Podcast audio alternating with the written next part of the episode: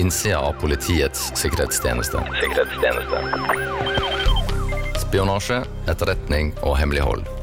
Terror og ekstremisme. Trusler, sikkerhet og beskyttelse. PST håndterer de mest alvorlige truslene mot landets sikkerhet. Vi skal ivareta demokratiet. Men hvordan jobber landets sikkerhets- og etterretningstjeneste? Og hvem er menneskene som jobber her? Vi inviterer deg nå med på innsida.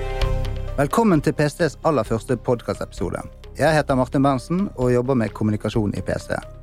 Som dere hørte i introen, skal denne podkasten handle om hvordan PST jobber, hvem som jobber der, og ikke minst hva de er opptatt av. Noe som kjennetegner folka i PST, er at de når de først har kommet inn døren, så har de en tendens til å bli værende der. I dag skal vi møte en ansatt som har jobbet i PST ganske lenge. Hvem er du? Jeg heter Siv Sørensen. Jeg er 43 år og er utdanna kriminolog ved Universitetet i Oslo. Jeg har jobba i PST siden 2006, og neste år så feirer jeg 15 år i tjenesten, som vi kaller PST, vi på huset. Når jeg starta i PST, så starta jeg på kompetansesida, på HR, for å drive kompetansestyring av PSTs ansatte. Etter hvert så gikk jeg videre til å skrive trusselvurderinger, eh, blant annet for myndighetspersoner og arrangementer. Sånn at jeg skrev for eksempel den årlige trusselvurderingen for kongehuset, regjeringsvurderingen, stortingsvurderingen, og for eksempel da Malala Yousafzai fikk fredsprisen i 2014, så skrev jeg eh, trusselvurderingen for fredsprisutdelingen. Så har jeg også skrevet noen eh, store sykliske vurderinger, sånn som nasjonal trusselvurdering som kommer ut eh, en gang i året.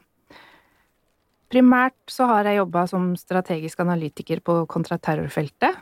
Store deler av de siste årene så har jeg jobba med soloterror, men også med trusselbildet i Europa og russiskspråklige ekstremister.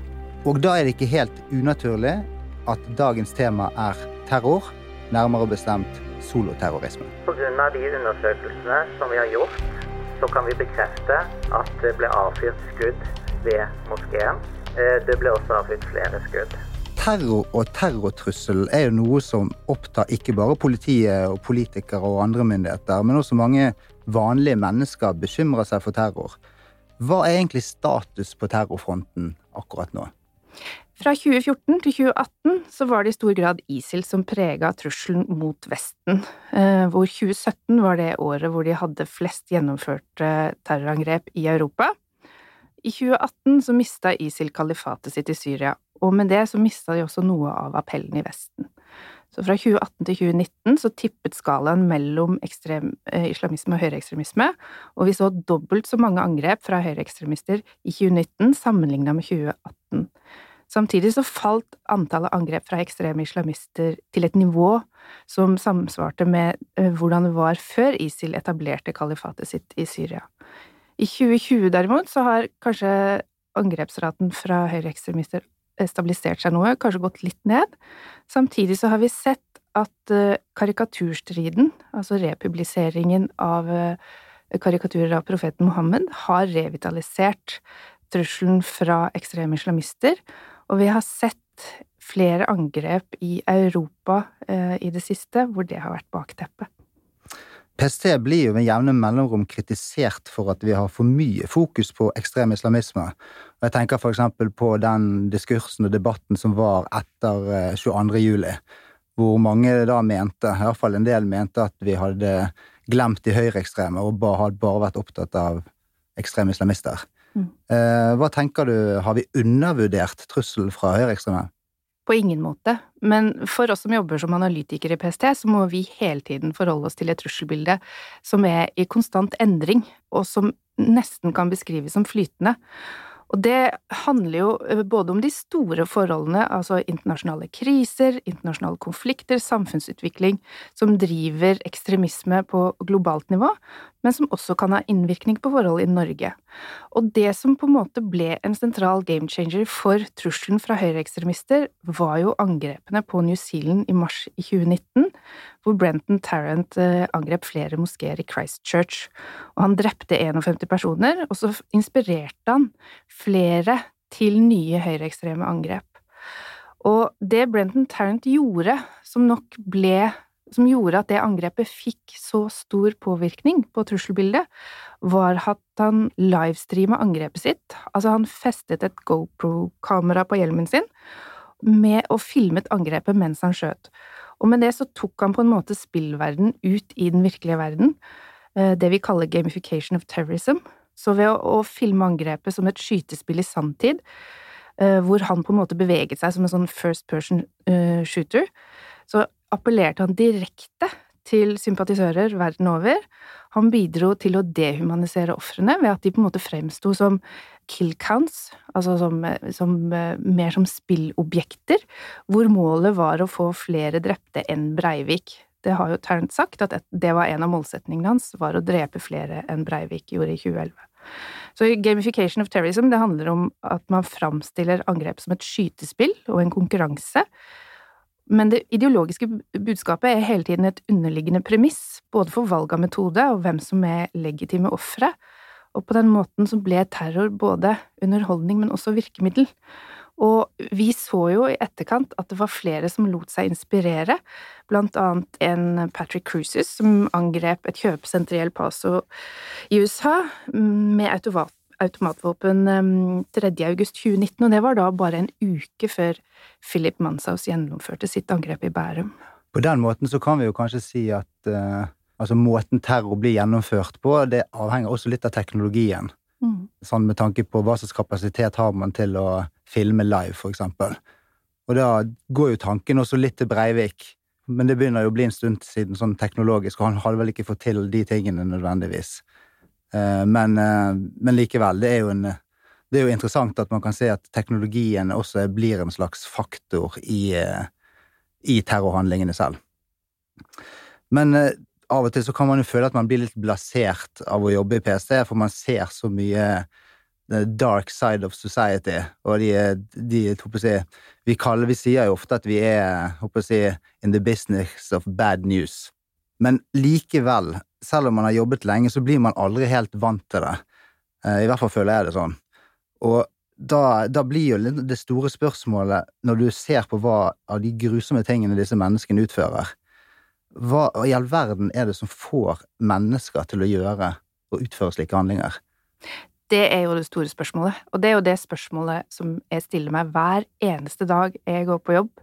Og helt siden 2011 og terrorhandlingene i regjeringskvartalet og på Utøya, det har nok på mange måter påvirka meg i min faglige retning også, og er noe av grunnen for at jeg har gått så dypt inn i det som handler om soloterror. Og det er komplekse problemstillinger. Samtidig så er det sånn at både soloterrorister og gruppeterrorister har veldig mye til felles. Vi kan ikke lage noen profil for noen soloterrorister i stort, men eh, vi kan på en måte se på hvilke bakenforliggende faktorer og hvilke premisser som var til stede i livet deres forut for terrorhandlingen. Når vi snakker om soloterror, så er det litt viktig å få fram at da mener vi noen som utfører handlingen alene. Altså legger, I PST da så legger vi vekt på utførelsesperspektivet, men de kan ha fått ideologisk støtte eller en form for logistisk bistand i forkant. Det er selve handlingsutførelsen som vi da legger vekt på, og sier at de gjorde den alene. Um, og um, det som uh, alle terrorister på en måte vektlegger, er jo at de begrunner handlingen sin med ideologi eller politikk eller religion, og det er jo derfor vi definerer det som terror at noen bruker eh, vold for å oppnå religiøse, politiske eller ideologiske mål. Men for soloterrorister, det som på en måte skiller gruppeterrorister og soloterrorister, er at for soloterrorister så blir ideologien viktigere underveis i radikaliseringsløpet, der det kanskje er mye mer etablert for gruppeterrorister fra start. For soloterrorister så kan man kanskje si at ideologi er et slags sekundærfenomen, og at grunnen til at de radikaliseres, er en rekke opplevelser av utenforskap, tap, avvisning, og så hektes det sinnet og den frustrasjonen over å ikke mestre livet, og spesielt de relasjonelle og sosiale aspektene ved det, opp i ideologi eller religion. Så det er ofte fraværet av tilhørighet som er en forløper til radikalisering hos soloterrorister. Men du snakker om gruppeterrorister, soloterrorister, og så har det vært tidligere snakk om et begrep som heter ensomme ulver. Ja. Hva er det for noe, da? Det er de som på en måte har vært helt isolert, som ikke eksempel har hatt noe kontakt på nett med andre, eller eh, ikke har fått noen form for ideologisk støtte eller bistand. Eh, Unabomber, for eksempel, og øh, han er vel kanskje et eksempel på det, han som sendte disse brevbombene rundt i USA, og han har, jo, har det jo vært lagd en serie av. Breivik, da, var han en ensom ulv? Ja, på mange måter så er han en outlier i forhold til resten av de vi på en måte uh, har i vår, våre registre og, i våre radikaliseringsporteføljer, da. Uh, nettopp fordi at han var på mange måter utenfor, også de som var utenfor. Vi vet jo at han søkte seg til den nordiske motstandsbevegelsen og prøvde å bli medlem der, og rett og slett opplevde å bli avvist. Og det kommer vi jo tilbake til, men, men det å bli avvist det kan være en trigger i soloterrorsammenheng, faktisk. Eh, for da kan folk få et behov for å bevise at de faktisk får til noe, og at de Det er en slags gjenopprettelse av ære. Og det vil det faktisk være for mange soloterrorister når vi eh, går inn i på en måte livserfaringene deres, så fremstår de å ha gått på veldig mange smeller, rett og slett. De har på en måte opplevd mye avvisning og, og det å komme til kort.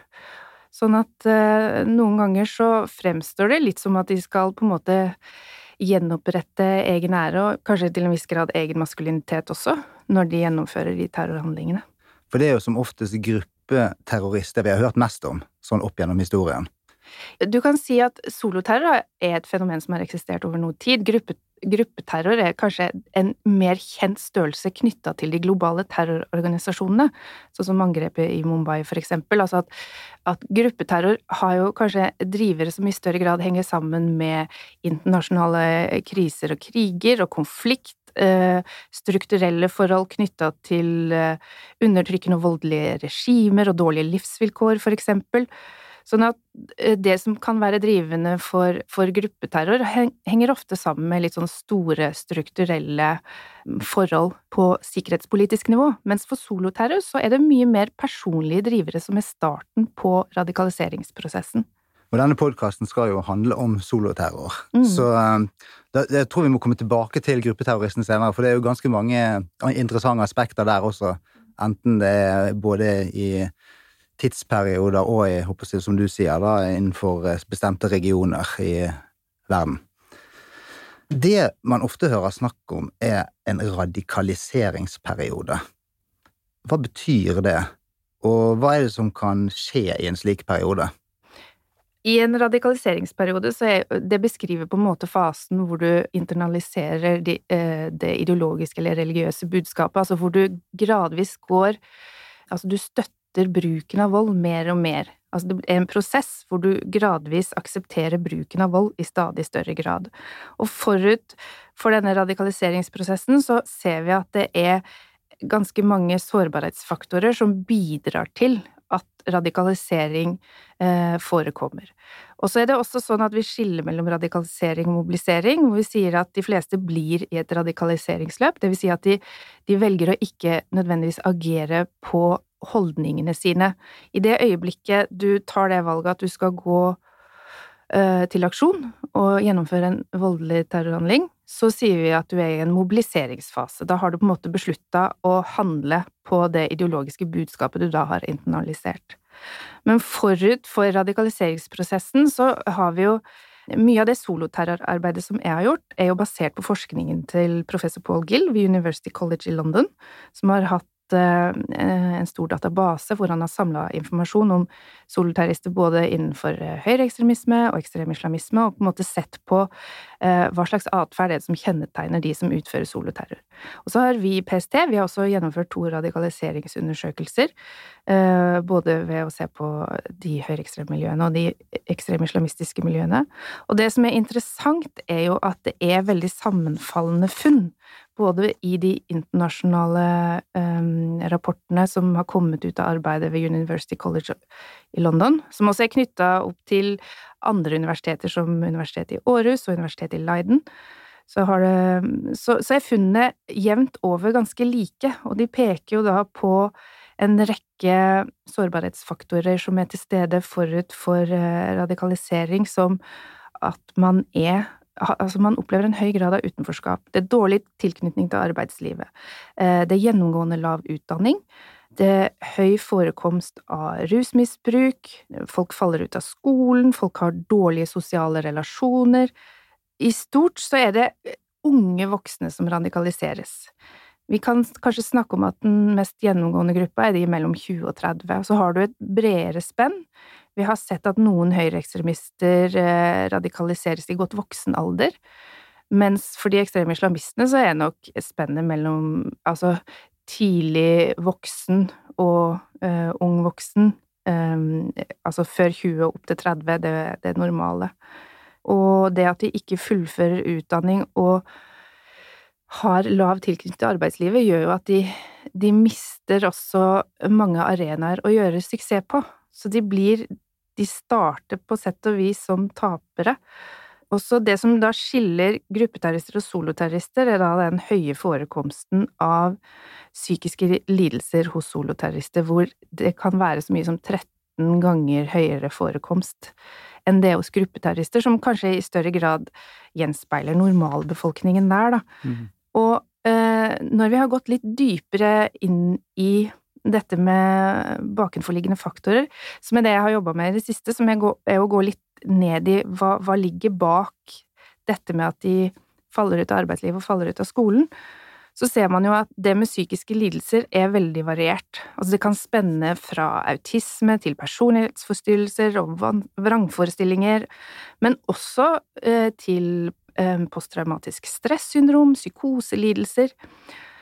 Og det som er at jo mer inkludert en person er, altså jo mer tilknytta en person er, jo lavere er graden av forekomsten psykisk, av psykiske lidelser. Du sa før vi gikk i studio at du snakket om dette med å miste damer, sa du. Mm. Eller å få dame. Det, har, har, det noe å si? For dette er å miste damer og få damer. Det er jo noe stort sett eh, de aller fleste gutter og menn er interessert i. Ja, og man skal jo man, det er veldig relevant. Det det egentlig gjenspeiler, er jo dette med hvor viktig det er med gode sosiale relasjoner. Eh, for da kommer vi tilbake til dette med det som kan være triggere til radikalisering, og også i noen grad mobilisering. Fordi eh, en forsker som heter eh, Emily Corner, hun har sett at i over halvparten opplever en form for psykologisk krise i forkant av terrorhandlingen, og over 60% opplever det som kaller det et trigger point.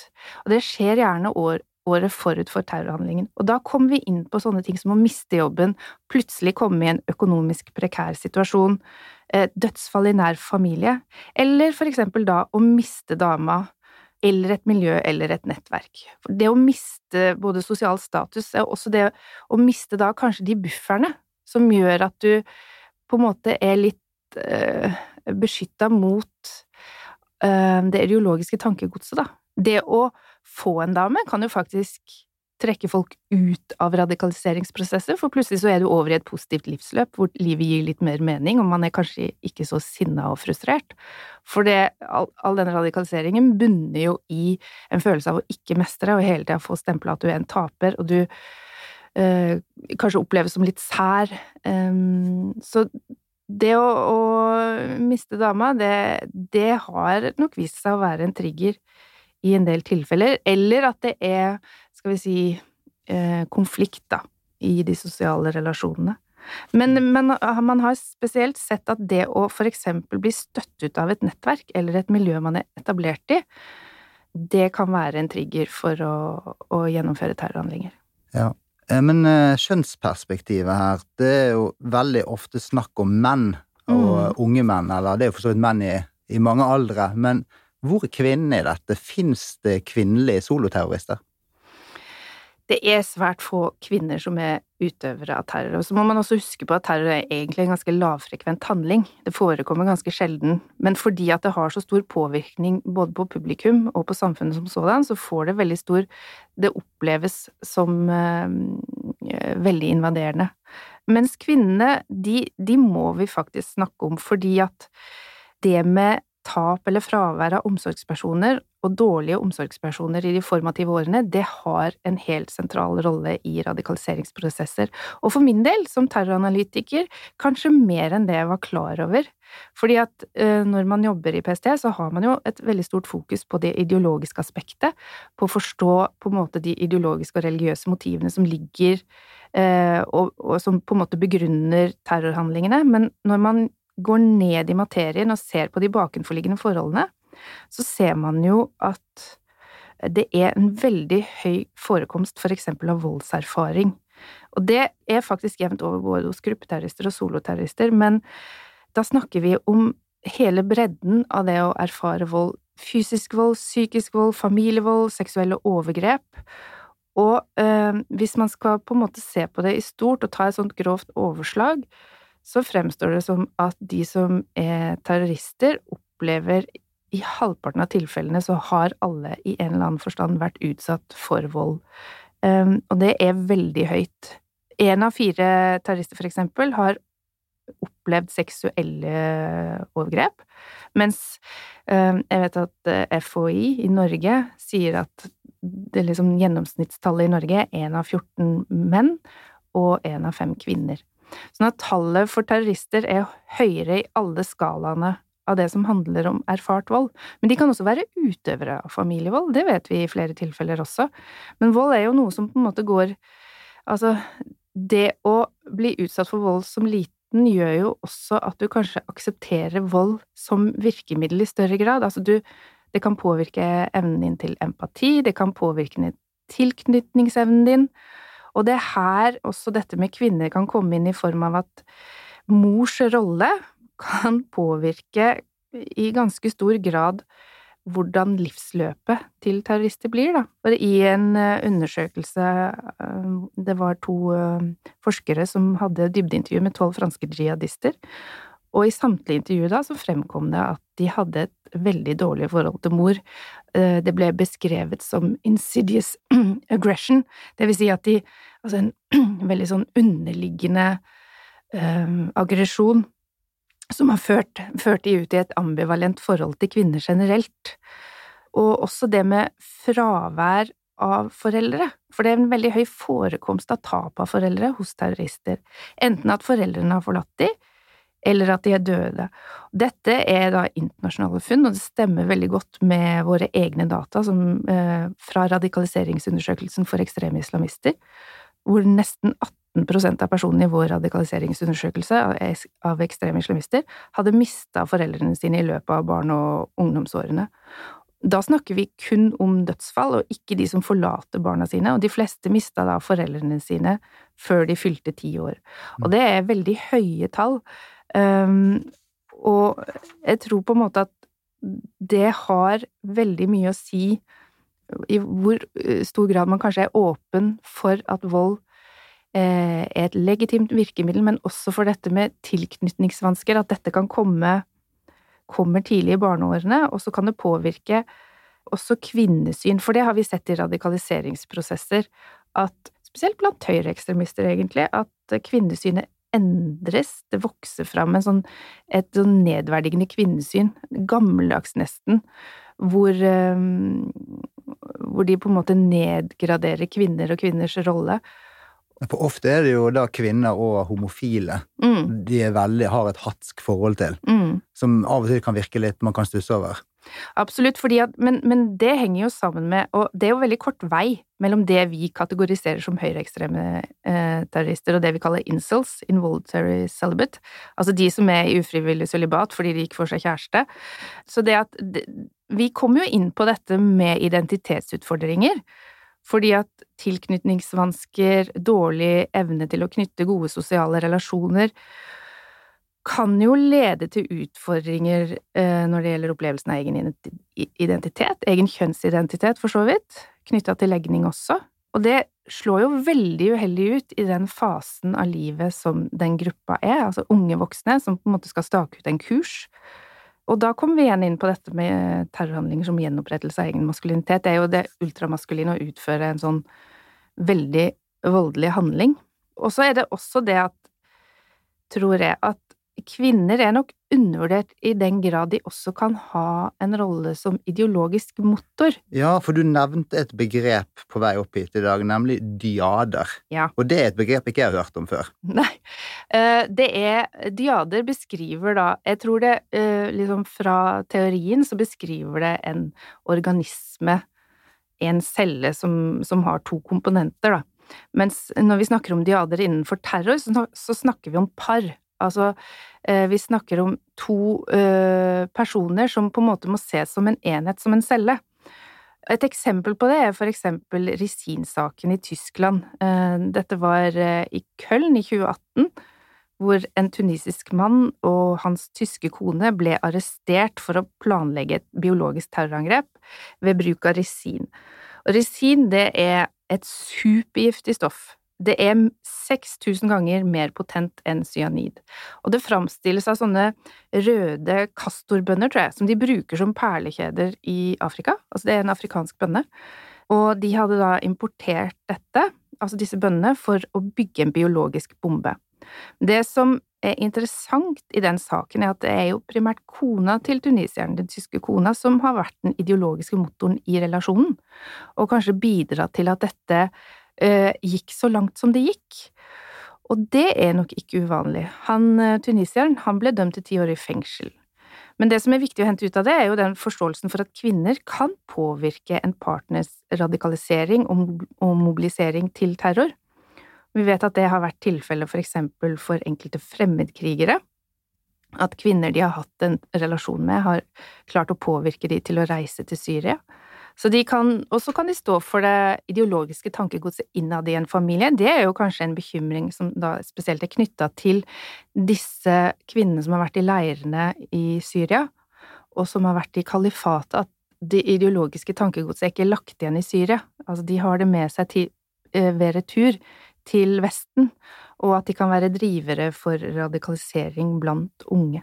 Ja, det så vi også i tiden før mange valgte å dra til Syria, at det var jenter og kvinner som var pådrivere for noen av de mennene som dro. Mm. Selv om det er klart at menn var jo i flertall, og det er også de som har i første omgang fikk mest fokus.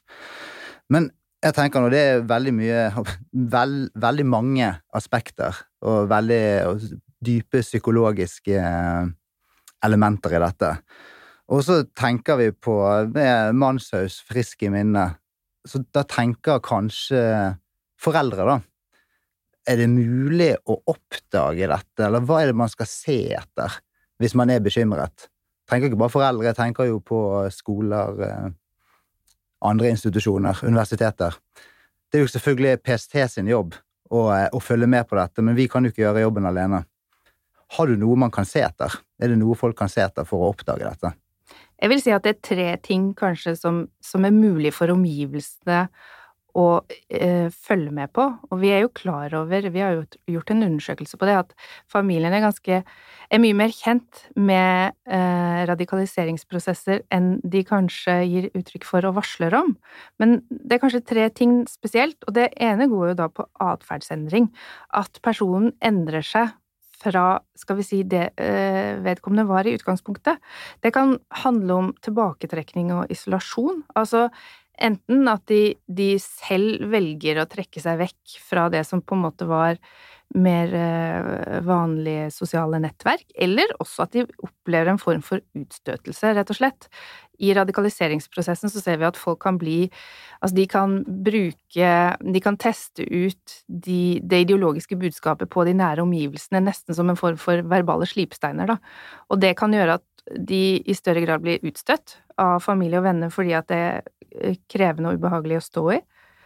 Og så er det samtidig som man kanskje da isolerer seg, trekker seg vekk, eller, eller endrer litt lynne, kanskje framstår mye mer frustrert og oppgitt, eh, så bruker man kanskje mer tid på internett, i chatrom, og at man ser et økt propagandakonsum, da er mer eh, Vi vet jo at det, i hvert fall for de unge høyreekstreme som radikaliseres, så skjer dette primært på nett, eh, hvor de finner likesinnede, og det ideologiske tankegodset er tilgjengelig der i veldig stor grad. Og så har vi jo dette som vi kaller lekkasjer. Det at de i veldig stor grad ikke klarer å la være på et eller annet vis å kommunisere det tankegodset de går og baler med. Og det kan eh, komme til uttrykk i dialog, i diskusjoner, det kan for eksempel handle om at eh, de snakker om en rasekrig eller en sivilisasjonskrig, hvor de opplever en form for handlingsimperativ, at nå er vi kommet til siste skanse, nå er det siste utvei, vi må gjøre noe nå, eh, fordi at det er en form for eksistensiell trussel, da, som foreligger. Og man kan også dehumanisere det man fremstiller som den eksistensielle fienden, da. Om det er muslimer eller jøder eller Det, det gjelder jo for høyreekstreme, altså at man, man tenker at eh, noen mennesker er mindre verdt og fortjener eh, for eksempel ikke å leve, eller ikke i det vestlige samfunnet, for eksempel.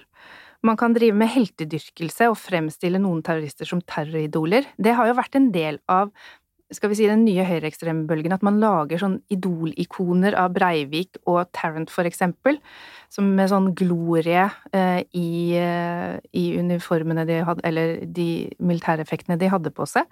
Og det kan man jo kanskje oppdage i den grad det er synlig for eksempel på, eh, på rommene til eh, de som på en måte er i en radikaliseringsfase. Eller vi vet at det har vært brukt Eh, for eksempel som sånn forsidebilde på mobil, eller at de henger opp bilder på veggen.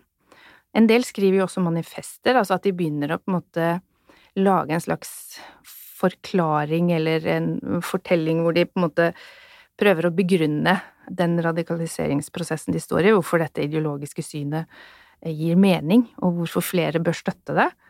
Så er det dette med endra kvinnesyn og kvinnehatt. Det er noe som kan komme til uttrykk i diskusjon, eksempel at man snakker nedverdigende om kvinner, i tillegg til de andre gruppene som man har i fiendebildet, da.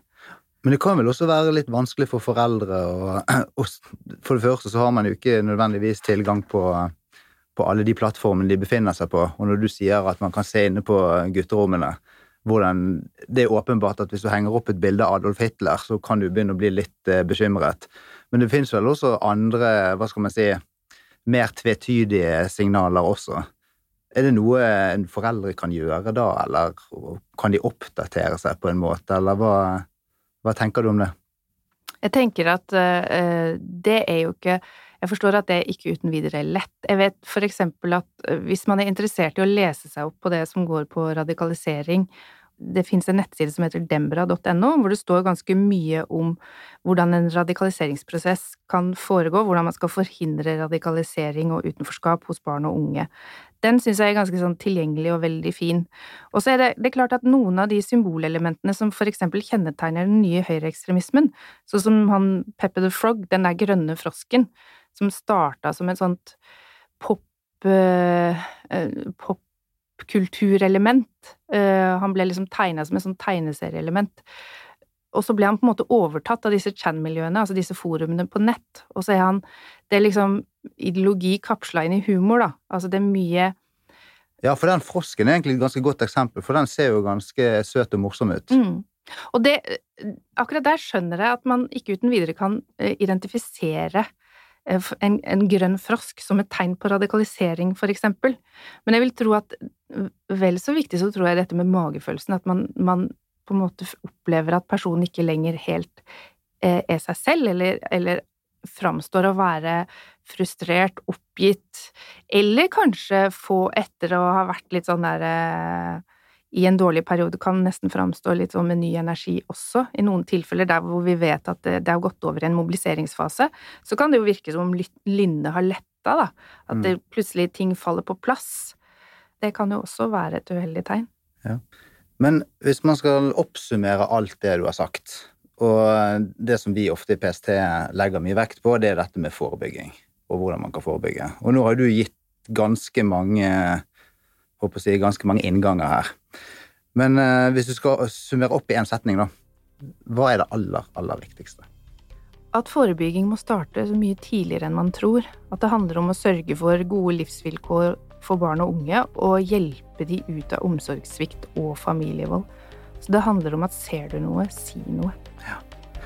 Det har vært veldig hyggelig å ha deg med i denne første podkasten. Og du skal ikke se bort fra at du kommer til å gjøre et comeback her, for jeg vet at du driver med en del andre interessante prosjekter også. Men eh, til dere da, som har holdt ut med oss her i denne, denne stunden, og ønsker å vite når neste episode kommer, så er det bare å følge PST på sosiale medier eller på pst.no, så er vi plutselig tilbake. Ser du noe, si noe. Men bruk sunn fornuft. Kontakt oss på pst.no.